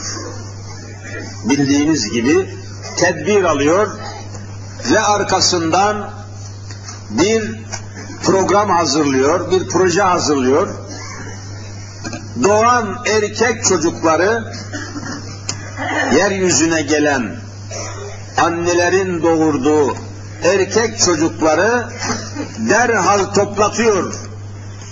Muazzam ajanlar, casuslar, elemanlar koydurarak bütün bir ülkeye hakimiyet içerisinde yeryüzüne gelen erkek çocukları teker teker toplayıp kesiyor. Kur'an-ı Kerim bu hadiseyi yüzebbihune ebnâehum ve yestahyûne nisâehum diyor. Firavun ve adamları yeryüzüne gelen erkek çocukları koyun keser gibi boğazından kesiyordu. Yüzebbihune zebih demek yani koyun boğazlar gibi kuzu keser gibi kesmek anlamına geliyor.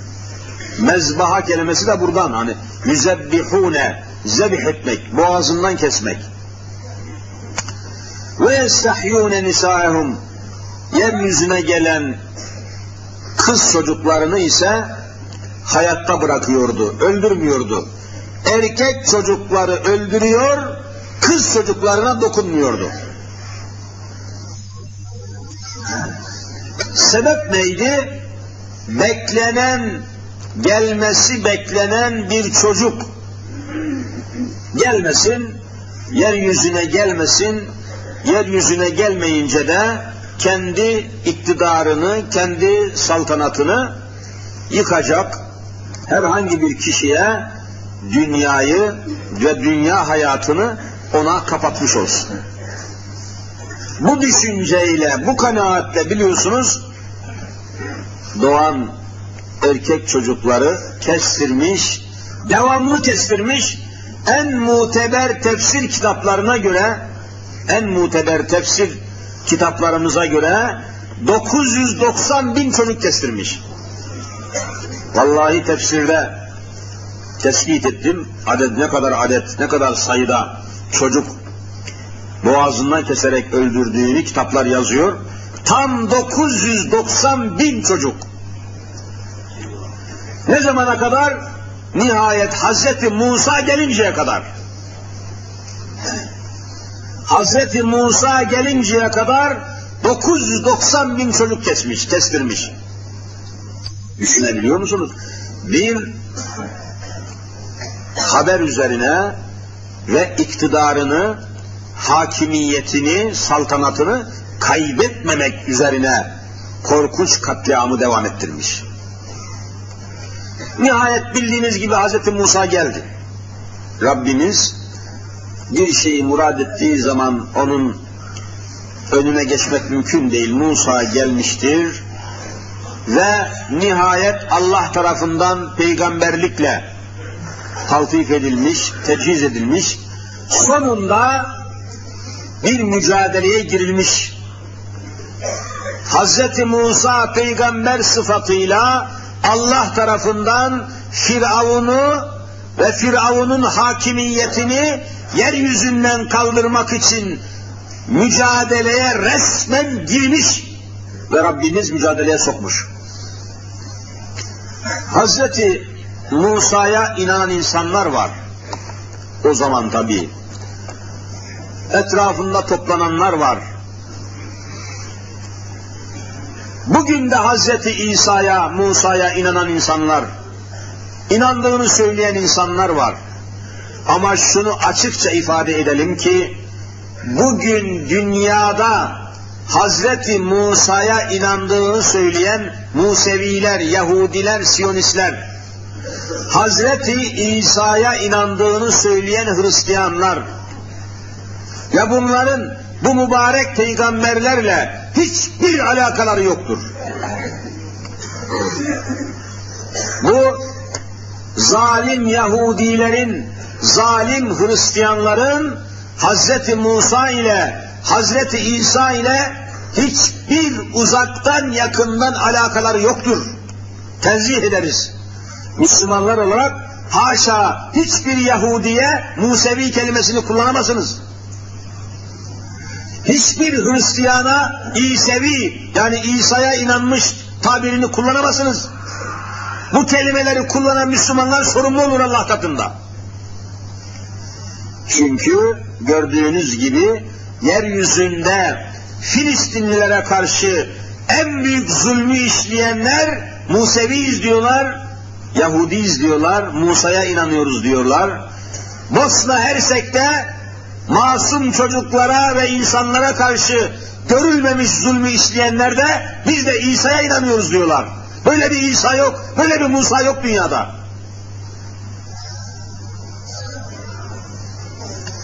Hazreti Musa mücadeleye girdi tabi. Firavun'la çatışma noktasına geldiler. Tabi Firavun bir devlet başkanı, çok güçlü bir devlet başkanı zalim. Muazzam ordusu var, askerleri var, askeri gücü var elinde, silahlı gücü var o gün şartlara göre. Korkunç bir orduya sahip. Korkunç, mücehhez, mükemmel bir orduya sahip Firavun. Hz. Musa ise işte belli bir cemaati, belli bir ümmeti etrafına toplamış. Şimdi mücadele safhasında çok çileli, çok zahmetli, çok çetin bir mücadele safhasında bakın ta o gün Kur'an-ı Kerim'in verdiği haberden öğreniyoruz. O gün o günkü Hazreti Musa'ya tabi olduğunu söyleyen, Musevi olduklarını söyleyenler ta o zaman Hazreti Musa'yı yanlış yalnız bırakmışlar. Yalnız bırakmışlar. Mücadelede yalnız bırakmışlar. Kur'an bu hadiseyi şöyle haber veriyor. Kalu bu Yahudiler Hazreti Musa'ya inandığını söyleyen kimseler dediler ki Ya Musa ey Musa inna len nedhuleha ebeda ma damu fiha fezheb ente ve rabbuke fekatila inna hahuna ga'idun zorlu düşmanlara karşı cebabir dediğimiz korkunç insanlara, zalimlere, bu şiddetli kişilere ve kimselere karşı mücadele, beraberce mücadele etmeyi teklif eden Hazreti Musa'ya karşı bakın ta o zaman ne diyorlar? Fezheb ente ve rabbuke fekatila inna hahuna gaidun. Ey Musa bizi bu tehlikeli, bizi bu sıkıntılı, bizi bu çileli işe sokma. Bizi bu külfetli işin içine sokma. Savaş tehlikelidir. Bu kapışma, bu çatışma zordur, zahmetlidir, belalıdır. Bizi bu işe sokma. Fezheb ente ve rabbüke. Sen ve Allah beraberce gidin. Allah'la beraber gidin. Fekatila o zalimleri öldürün. Biz gelemeyiz, biz katılamayız, biz zahmete giremeyiz. İnna hahuna gaidun. Biz şurada sen gelinceye kadar oturup bekleyeceğiz. Biz savaşa giremeyiz, bir harbe giremeyiz. Biz bu zahmetli işe giremeyiz diyorlar. Sen ve Allah beraber gidin diyorlar. Biz yokuz bu işte diyorlar. Ta o zaman peygamberlerini yalnız bırakan zalim İsrailoğulları, kafir İsrailoğulları. İşte Kur'an-ı Kerim haber veriyor. Ey Musa diyor, senle Allah gidin çarpışın. Biz seninle beraber gelmeyiz. Biz bu zahmetli işe girmeyiz. İnna hahuna biz şurada kaidun oturacağız. Kade biliyorsun oturmak. Kade oturmak anlamına geliyor. Kaidune biz oturanlarız. Biz burada oturacağız. Zahmete girmeyiz, meşakkate girmeyiz, savaşa girmeyiz, mücadeleye girmeyiz. Ne münasebet, senden Allah onlara yeter diyor. Gidin Allah'la beraber bu işi bitirin. Bizi bu işe sokma diyorlar. Yahudilerin tavrı budur. Peygambere karşı bunu söylüyorlar. Peygamberlerine karşı bunu söylüyorlar. Düşünebilir bu kadar şerefsiz, bu kadar dünyaya hırslı, bu kadar peygamberlerine zıt bir kavim gelmiş değildir.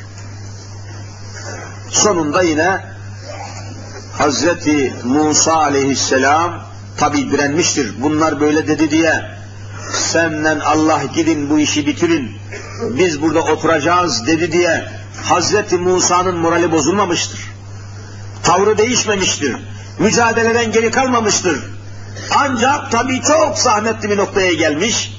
Hatta Firavun'la kapışmak noktasına geldiği zaman içine garip bir korku geliyor ve adeta Tih çölünde bir geri adım atma gibi bir durum ortaya çıkıyor.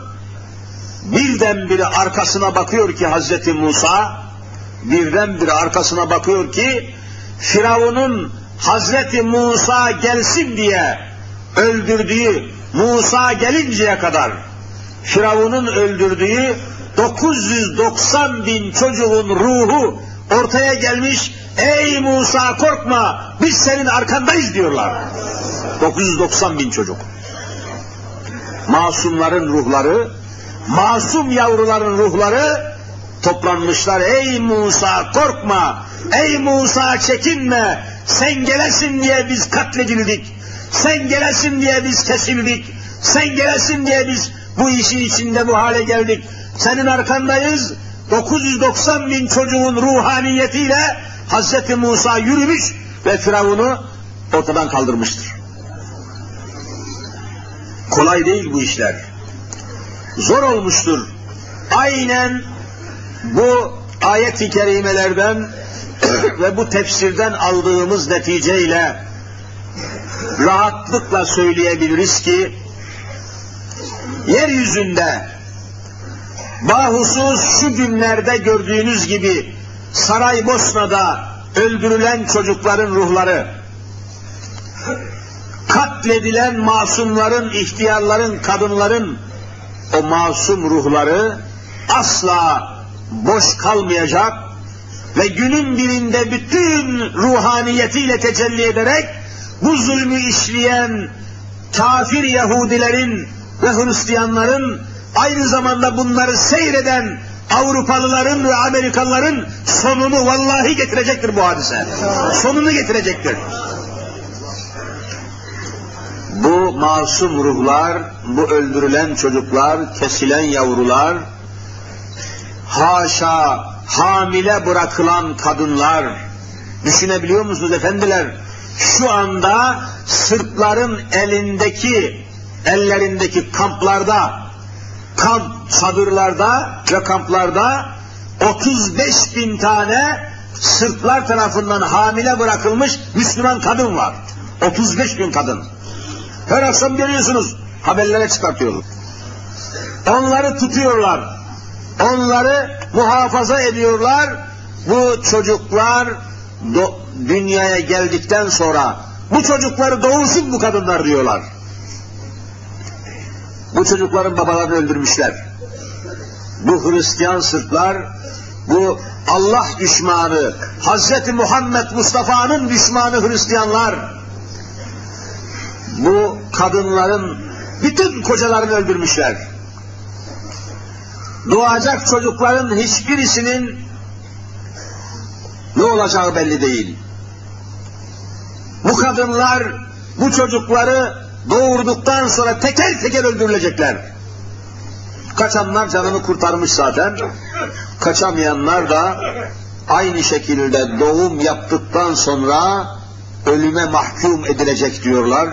Ve bu doğan yavruları da melun Hristiyan sırtlar almak suretiyle onları Hristiyan esası üzerine yetiştirerek bir kendileri doğrultusunda kendi inançlarına, kendi kültürlerine, kendi dünyalarına göre adeta bir nesil yetiştirme gayretine düşmüş oldukları görülüyor. Aman ya Rabbi, Firavun bunlar kadar dehşet içinde, bunlar kadar vah içinde değildi. Öldürdükleri, öldürdüğü çocukların babasını öldürmüyordu. Öldürdüğü çocukların annelerini öldürmüyordu. Bu Sırplar, bu kafir Sırplar, bu bebelerin babalarını öldürmüş, annelerini de öldürmeyi bekliyorlar. Ve bütün dünya Hristiyanları da bunu seyrediyor. Açıkça seyrediyorlar, bakıyorlar, gülüyorlar, neşeleniyorlar. Bütün dünya kiliseleri vallahi bayram yapıyor. Bayram yapıyorlar. Her yerde Hristiyan Hristiyanlığını, Yahudi Yahudiliğini yapıyor ve işlemedikleri cinayet, yapmadıkları zulüm kalmıyor. Bütün bunların karşısında alemi İslam'ın hali, Müslüman milletlerin, Müslüman ülkelerin hali de yürekler acısı olarak meydanda durmaktadır. O halde aziz müminler, muhterem Müslümanlar, şimdi böyle bir noktaya geldikten sonra yapacağımız şey nedir? Düşünüyoruz. Bizim ülkemizde, bizim memleketimizde Tanzimattan beri 1839 düşünebiliyor musunuz? 1839'dan bu yana o 1839 tarihine Tanzimat Fermanı diyorlar. Yani tereddütsüz Avrupa'ya yönelme tarihi. Katıksız, şeksiz, şüphesiz Avrupa'nın medeniyetini, Avrupa'nın kültürünü, Avrupa'nın sanatını, Avrupa'nın hayatını tereddütsüz almanın tarih başlangıcı. 1839'da başlıyor. O günden bu yana devamlı Avrupalılaşmak, batılılaşmak sevdası içinde yapmadıkları rezalet kalmamış. Bu ülkenin idarecileri. Avrupalı olacağız diyorlar. İşte Avrupalı meydanda Avrupalının kim olduğunu, Avrupalının ne karakterde adam olduğunu, ne zalim insanlar olduklarını, ne kafir insanlar olduklarını, ne gaddar insan olduklarını, Saraybosna'daki vahşet hala anlatmadı mı bu zalimlere? Hala göstermedi mi? O halde aziz müminler, Müslümanlar olarak, müminler olarak bu konuyu sorgulamamız lazım. Avrupa'nın kültürünü, Avrupa'nın taşıdığı bütün değerleri, teknoloji bu kadar olup bitenden sonra, bu kadar katliamlardan sonra hala Avrupalılaşacağız, haz, hala batılılaşacağız, çağdaşlaşacağız diyenlere Allah lanet etsin, lanet etsin, lanet etsin. Bu şuura ulaşmamız lazım. Avrupa'nın düşmanı olmamız lazım. Hristiyanların düşmanı olmamız lazım. Amerika'nın düşmanı olmamız lazım. Düşman olmak lazım. Ve bu şuurla yetişmek lazım. Doğan çocuklarınızın kulağına Avrupa'ya ve Amerika'ya karşı düşman aşılayın, düşmanlık aşılayın, kulaklarına fısıldayın. Saraybosna'daki öldürülen çocukların intikamını alın, intikamını alın, intikamını alın. Avrupa'yı dost kabul etmeyin, Avrupa'ya benzemeyin, Avrupa'yı bize örnek gösterenlerin suratına tükürün, milletvekillerinin suratına tükürün. Okumuşların suratına tükürün, Avrupa'yı katıksız kabul eden, Avrupa kültürünü kabul eden, yüksek tahsil yapmış, üniversiteyi bitirmiş, aydın denen kişilerin suratına bol bol tükürün, bol bol tükürün. Saraybosna'yı unutmayın. Katledilen çocukları unutmayın. Alemi İslam'ın ırzına geçilmiştir alemi İslam'ın zürriyeti öldürülmüştür. Alemi İslam'ın intikamı büyük olacaktır. Alemi İslam'ın Avrupa'dan ve Amerika'dan intikamı, Allah'ın intikamı büyük olacaktır. Bunu lütfen böyle anlayın. Kalbinize yerleştirin. Avrupa'yı sevmeyin. Amerika'yı sevmeyin. Gönlünüze sokmayın. İç dünyanızda santip. Muhabbet beslemeyin, merhamet beslemeyin. Hristiyanlar katildir. Hristiyanlar zalimdir. Hristiyanlar Allah düşmanıdır. Hristiyanlar Hazreti İsa'nın düşmanıdır. Hristiyanlar kan emen, gaddar, zalim insanlardır. Böyle şartlanmamız lazım. Başka türlü geleceğimizi koruyamayız. Kapıyı açık bıraktıkça Avrupa'ya karşı dost nazarıyla baktıkça çiğnendiğimizi, nasıl çiğnendiğimizi işte 20. asır kapanıp da 21. asrın eşiğine dayandığımız şu günlerde Bosna Hersek ne müthiş bir örnek oldu.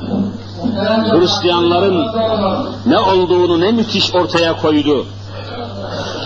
Safları iyice sıklaştırmamız isteniyor kardeşlerim. Bakın etrafınıza ufak bir boşluk kalmasın. Boş yer kalmasın. İşte aziz müminler, muhterem Müslümanlar, toplum şuuru halinde yeniden Avrupalılaşmayı, batılılaşmayı, Avrupa'ya özenmeyi sorgulamamız lazım. Kabul etmememiz lazım. Bize Avrupalılaşmayı teklif eden, telkin eden herkese karşı şüpheyle bakmamız lazım. Hristiyan Avrupa'ya ve Hristiyan Avrupalıların gözlerine gireceğiz diye yapmadıkları rezalet kalmadı görüyorsunuz. Dilimizi değiştirdiler. Avrupalıların hoşuna gitsin diye bin yıllık yazımızı değiştirdiler. Bin yıllık kültürümüzü değiştirdiler. Kitabımızı değiştirdiler. Kılık kıyafetimizi değiştirdiler. Her şeyimizi değiştirdiler. Ama yine Avrupa hala kabul etmiyor. Kabul etmesi mümkün görünmüyor. İşte en azından Saraybosna bütün bu vakaları, bütün bu hadiseleri canlı olarak ortaya koydu. Canlı olarak. Görüyorsunuz Saraybosna'da oradan gelen çok insanlar var. Görüşüyoruz. Evvelsi günde 85 yaşındaki bir Bosnalı ile vallahi görüştüm. 85 yaşında adamın bilmediği bir şey yok. Balkanları çok iyi biliyor. Yaşı 85 ama dip diri bir adam. Dimdik bir adam. Vallahi şunu anlattı. Dedi ki hocam dedi, misafir olarak gelmiş daha kalmış gitmiyor adamcağız da. Beyazıt'ta görüştüm. Saraybosna'da diyor Bosnalı Müslümanlar, Boşnak Müslümanlar o kadar Avrupalıya, Hristiyan Avrupa'ya ve Hristiyan Avrupalılara o kadar özenmişti, o kadar benzemişti ki içinde domuz eti yenmeyen ev kalmamıştı diyor. Vallahi böyle. Adeta gençler, o bilicinli gençler, efendim işte neyse o modern gençler, çağdaş gençler, Avrupalının popuna, müziğine, her şeyine itibar eden o gençler, kızlar, gelinler, kadınlar öyle Avrupa'nın hayatına, Avrupalının yoluna alışmıştı ki sabah kahvaltısında dahi vallahi domuz eti bulunur sofralarında diyor. Ama bakın ne hale geldiler. Gelin Müslümanlar Allah aşkına gelin bir sorgulama yapalım. Bizim hayatımızı, içinde yaşadığımız ülkeyi, bölgeyi, beldeyi, hayatımızı gelin sorgulayalım. Biz hakkıyla Müslüman mıyız değil miyiz? Buna bakalım. Ya hakkıyla Müslüman olacaksınız yahut da saray Bosna'daki vahşete ve katliama siz de muhatap olacaksınız. Vallahi korkuyorum, billahi korkuyorum. Ya hakkıyla Müslüman yahut da işte Hristiyan dünyanın ayakları, işte Somali'yi görüyorsunuz, 15 seneden beri oradaki aşiretler birbirini öldürüyordu. Aşiret kavgaları. İşte şimdi Afganistan'a bakın. Afganistan'da yine 15 tane fırka birbirini yiyor, birbirini öldürüyor. Birbiriyle savaşıyor. E ne nedir? O zaman Hristiyanlara meydan veriliyor, fırsat veriliyor, imkan veriliyor. Bakın yakın bir gelecekte Afganistan işgal altına bir daha gidecek. Ve işin farkında değiller. Rusya'yı deviren, Rus ordusunu yenen, Rus ordusunu memleketinden çıkaran Afganistan'ın düştüğü hale bakın. Yürekler acısı, şerefsiz adamlar ne hale geldiler. Ve Hristiyanlara davetiye çıkarıyorlar. Gelin bizi siz idare edin, biz insan değiliz diyorlar. Ya biz de bu hale gelirsek ne olacak? Ezan okundu mu? Okunmadı. Biz de bu hale gelirsek ne olacak halimiz?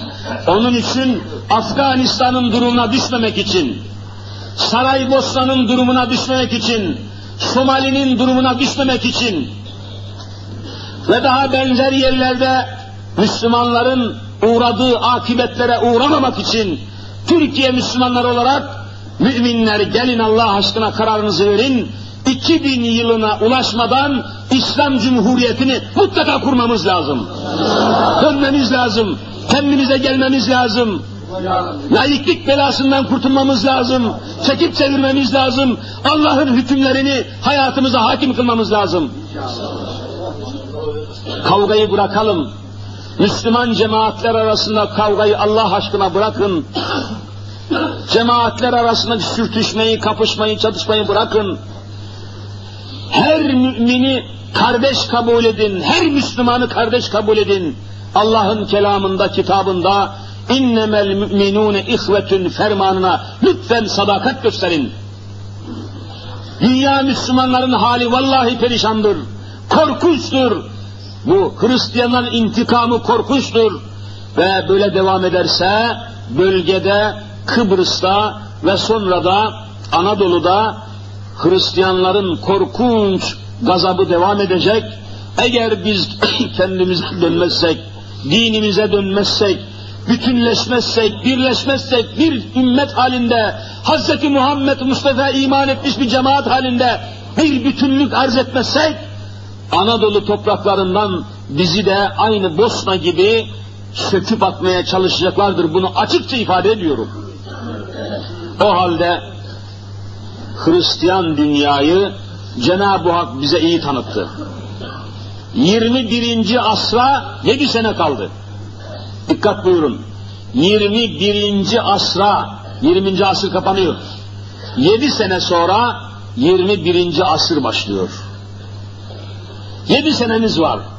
Allah'ın inayetiyle Avrupalılaşmak, batılılaşmak, çağdaşlaşmak sözleri bizim nazarımızda hiçbir mana ifade etmiyor, kabul etmiyoruz. Avrupalının kim olduğunu, Batılının kim olduğunu, Hristiyan Avrupalının ve Amerikalının kimliğini ve kim olduğunu, işte Bosna hala açığa çıkarmadıysa, hala örnek almayacaksak, ibret almayacaksak, bizim halimiz perişandır. Bu kadar örnek, bu kadar ibret nerede görülmüş? Avrupalıları sorgulayın. Avrupalıları hesaba çekin. Vicdanınızda hesaba çekin. Biz Avrupalılara insan demiyoruz, demememiz lazım. Bunlar korkunç, zalim, korkunç, gaddar, masum çocukların kanını içecek kadar zalim Hristiyanlar bunlar. Kiliselerine, papazlarına, patriklerine hiçbir hürmetiniz yoktur, hiçbir saygınız yoktur. Bakın papanın sesi çıktı mı, dünyanın en büyük kafiri papadır. Bosna'daki katliamlar karşısında papadan bir ses duydunuz mu şimdiye kadar? Zalim papa, kafir papa. Hiç ses çıkardı mı? Hiçbir şey yaptılar mı? Ama hepsi bir bunların. Avrupalıyı Allah bize tanıttı. Hristiyanların ne olduğunu Allah bize gösterdi. Artık başka bir ibret aramayın, başka bir örnek aramayın, başka bir yol aramayın.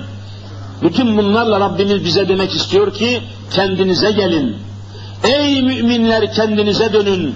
Ey müminler Allah ve Resulüne dönün. Ey müminler Hazreti Muhammed Mustafa'ya dönün diyor. Başka yolunuz kalmadı. Başka yolunuz kalmadı. Amerika kimsenin Amerika yeryüzünde hiçbir Müslümanın hayrını istememiştir. Amerika dünyada hiçbir Müslümana hayır murad etmemiştir. İşte bakın nasıl yine zalim ve kafir Saddam'a karşı yine dehşetini ortaya koydu. Niye Bosna'ya santim ilerlemiyor? Niye karşı koymuyor? Niye bir harekette bulunmuyor? Şunu da açıkça ifade edelim ki Saddam Siyonisttir. Saddam Siyonisttir ve Amerika ile beraber çalışmaktadır. Amerika'yı istediği yerlere getirip götürmekte ve istediği yerlere yerleştirmektedir. Ve İslam'la, Müslümanlıkla, Müslümanlarla hiçbir alakası yok bu kafir Saddam'ın. Silin defterinizden, silin kitabınızdan bu din sizi. Ama olan Müslümanı oluyor. Olan Müslümanlara oluyor. İslam bölgelerine, İslam beldelerine oluyor. Eğer Saddam Siyonist olmasaydı vallahi çoktan öldürülecekti. Öldürülmedi. Kasten öldürmediler. Saddam Siyonist olmasaydı Amerika'nın elinde bir adam, önünde bir adam olmasaydı onu hayatta bırakmayacaklardı. Öldürmediklerine göre Siyonisttir, kafirdir, zalimdir. Hadiselere ibretle ve ilgiyle bakmak lazım. Müslümanlar türlü oyunlara maruz bırakılıyor. Başındaki kukla hükümetler, kukla liderler, kukla şahıslar alemi İslam'ı Hristiyan dünyanın ipoteği altına sokuyorlar. Dikkat ediniz. Müslümanların kendi aralarındaki kavgaları, Afganistan'daki mücahit denen insanların kendi aralarındaki kavgaları Afgan topraklarını Hristiyanların ipoteği altına sokuyor. Somali'deki kavgalar, aşiret kavgaları işte sonunda Amerika'nın işgaline zemin hazırlıyor. Türkiye'de Müslümanların kavgaları, çekişmeleri korkuyorum ki aynı felakete götürüyor Müslümanları. Onun için bütün bu izahların ışığı altında kendimize gelmeliyiz, kendimize dönmeliyiz, dinimize dönmeliyiz. Çağdaşlaşma tabirini reddediniz. Çağdaşlaşmak demek vallahi Hristiyan Avrupa'ya yamanmak anlamına geliyor. Avrupalılaşmanın anlamı Hristiyanlaşmaktır. Batılılaşmanın anlamı Hristiyanlaşmaktır bunlara göre. Çağdaşlaşmanın anlamı Hristiyanlaşmaktır buna göre. Bütün bunları reddetmedikçe, kabul etmedikçe, La ilahe illallah dercesine bütün bunları reddetmedikçe kendimize dönemeyiz, aslımıza dönemeyiz. Allahu Teala cümlemizi ve cümle ümmeti Muhammed'i İslami şuurla hadiselerden ibret almayı nasip eylesin inşallah. Ezan-ı Muhammedi okundu. Kardeşlerim, bütün bu olup bitenlere karşı Müslümanlar da gayet tabidir ki kendi imkanlarıyla, kendi güçleriyle çeşitli çalışmalar, çeşitli hizmetler, çeşitli hazırlıklar yapmaktadırlar. Tarihimizi, kültürümüzü, inancımızı, hayatımızı yeniden ele alan, yeniden sorgulayan, yeniden izah eden türlü eserler, çalışmalar yapılmaktadır ve inşallah hızla yapılmaya devam edecektir.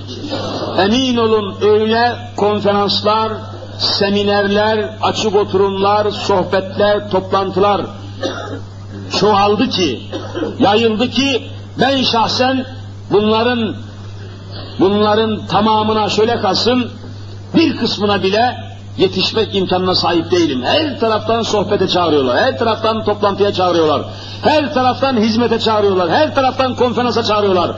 Amasya'dan, Gediz'den, Kayseri'den korkunç derecede talep var. Uyanma başlamıştır inşallah, kültür başlamıştır ve tarihimizi, Cumhuriyet tarihini iğneden ipliğe sorgulamanın imkanları başlamıştır inşallah. Asılan hocalarımızın hesabı sorulacak kesilen alimlerimizin hesabı sorulacak. Mezarları kaybedilen alimlerimizin hesabı sorulacak. Müthiş bir çalışma başladı. Ben yetişemiyorum. Her taraftan davet ediyorlar. Her taraftan çağırıyorlar. Birine yetişirsek beşine yetişemiyoruz. Bu da inşallah bir umut veriyor, cesaret veriyor. Bu arada değişik çalışmalar sergileniyor. Gerek film yoluyla, gerekse sinema yoluyla, gerekse inşallah yakında televizyon kanalları açmak suretiyle yoğun bir çalışma başladı şu anda. Yoğun bir çalışma başladı. Altyapı hazırlığı diyorlar. Eleman hazırlığı, altyapı hazırlığı, malzeme hazırlığı çalışmaları devam ediyor. Allah'ın lütfuyla artık onların televizyona, televizyonlarına ve kanallarına, onların stüdyolarına gitmek ihtiyacını hissetmeyeceğiz inşallah Teala. Zira farkındaysanız ki ben şiddetle karşıyım. Onların televizyonlarında açık oturumlara, toplantılara katılmaya ben şiddetle karşıyım. Ali Rıza Demircan diye bir kardeşimiz, hoca kardeşimiz birkaç toplantıya katılmış. Karşısında altı tane fahişe. Hadis-i şerif okuyor adamcağız. Cennet anaların ayakları altındadır diyor o fahişe kadınlar biz cennet mühendis kabul etmiyoruz diyorlar. Böyle yerde bir hocanın işi yok. Böyle yerde hiçbir arkadaşımız bulunamaz. Hiç kimse peygamberin hadisiyle alay ettiremez. Ama kendi kanallarımız, kendi televizyon kanallarımız açılırsa ki hızlı bir çalışma var inşallah. Oralarda rahat rahat dinimizi ve davamızı konuşacağız. Bu arada sizinle mutlaka duymuş olduğunuz bir film, bir mümin Müslüman bir kardeşimiz hazırladı, çevirdi, çekti. Yönetmenliğini kendisi yaptı. Ben iki defa gittim, seyrettim. Vallahi doyamadım. Allah aşkına diyorum bu filmi, bu filmi beni dinleyen cemaatimin de görmesini arzu ediyorum. Sürgün adında bir film, Sürgün. 3 milyar lira harcayarak bu filmi evvelce malum devirde nasıl Kur'an-ı Kerimleri yakmışlar, nasıl talebeleri yerden yere vurmuşlar, nasıl sarıklı ulemayı kesmişler, nasıl zulmetmişler, bütün bunları öyle muazzam film haline getirmiş ki, vallahi ağlıya ağlıya seyrettik. Lütfen bu filmi seyredin, bu filme gidin, bu sinemaya gidin. Bu sinema, Fatih'te, Karagümrük'te feza sinemasıdır. Feza, Fatih'te feza, sinemasına gidin ve göğsünüzü gere gere Kur'an-ı Kerim okuyormuş gibi seyredin korkmayın. Görün ki Allah'ın izniyle ne çalışmalar başlamıştır, ne gelişmeler açılmıştır. Çok yakında 2000 yılına ulaşmadan İslam'ın devletini vallahi kurmamız lazım, kurulması lazım. Tembelliği bırakın, meme lazımcılığı bırakın. Biraz cesaret edin, biraz hareket edin, biraz gayret edin, biraz himmet edin. Biraz kendinize gelin yeter. Allah cümlemizi muvaffak eylesin inşallah. Amin.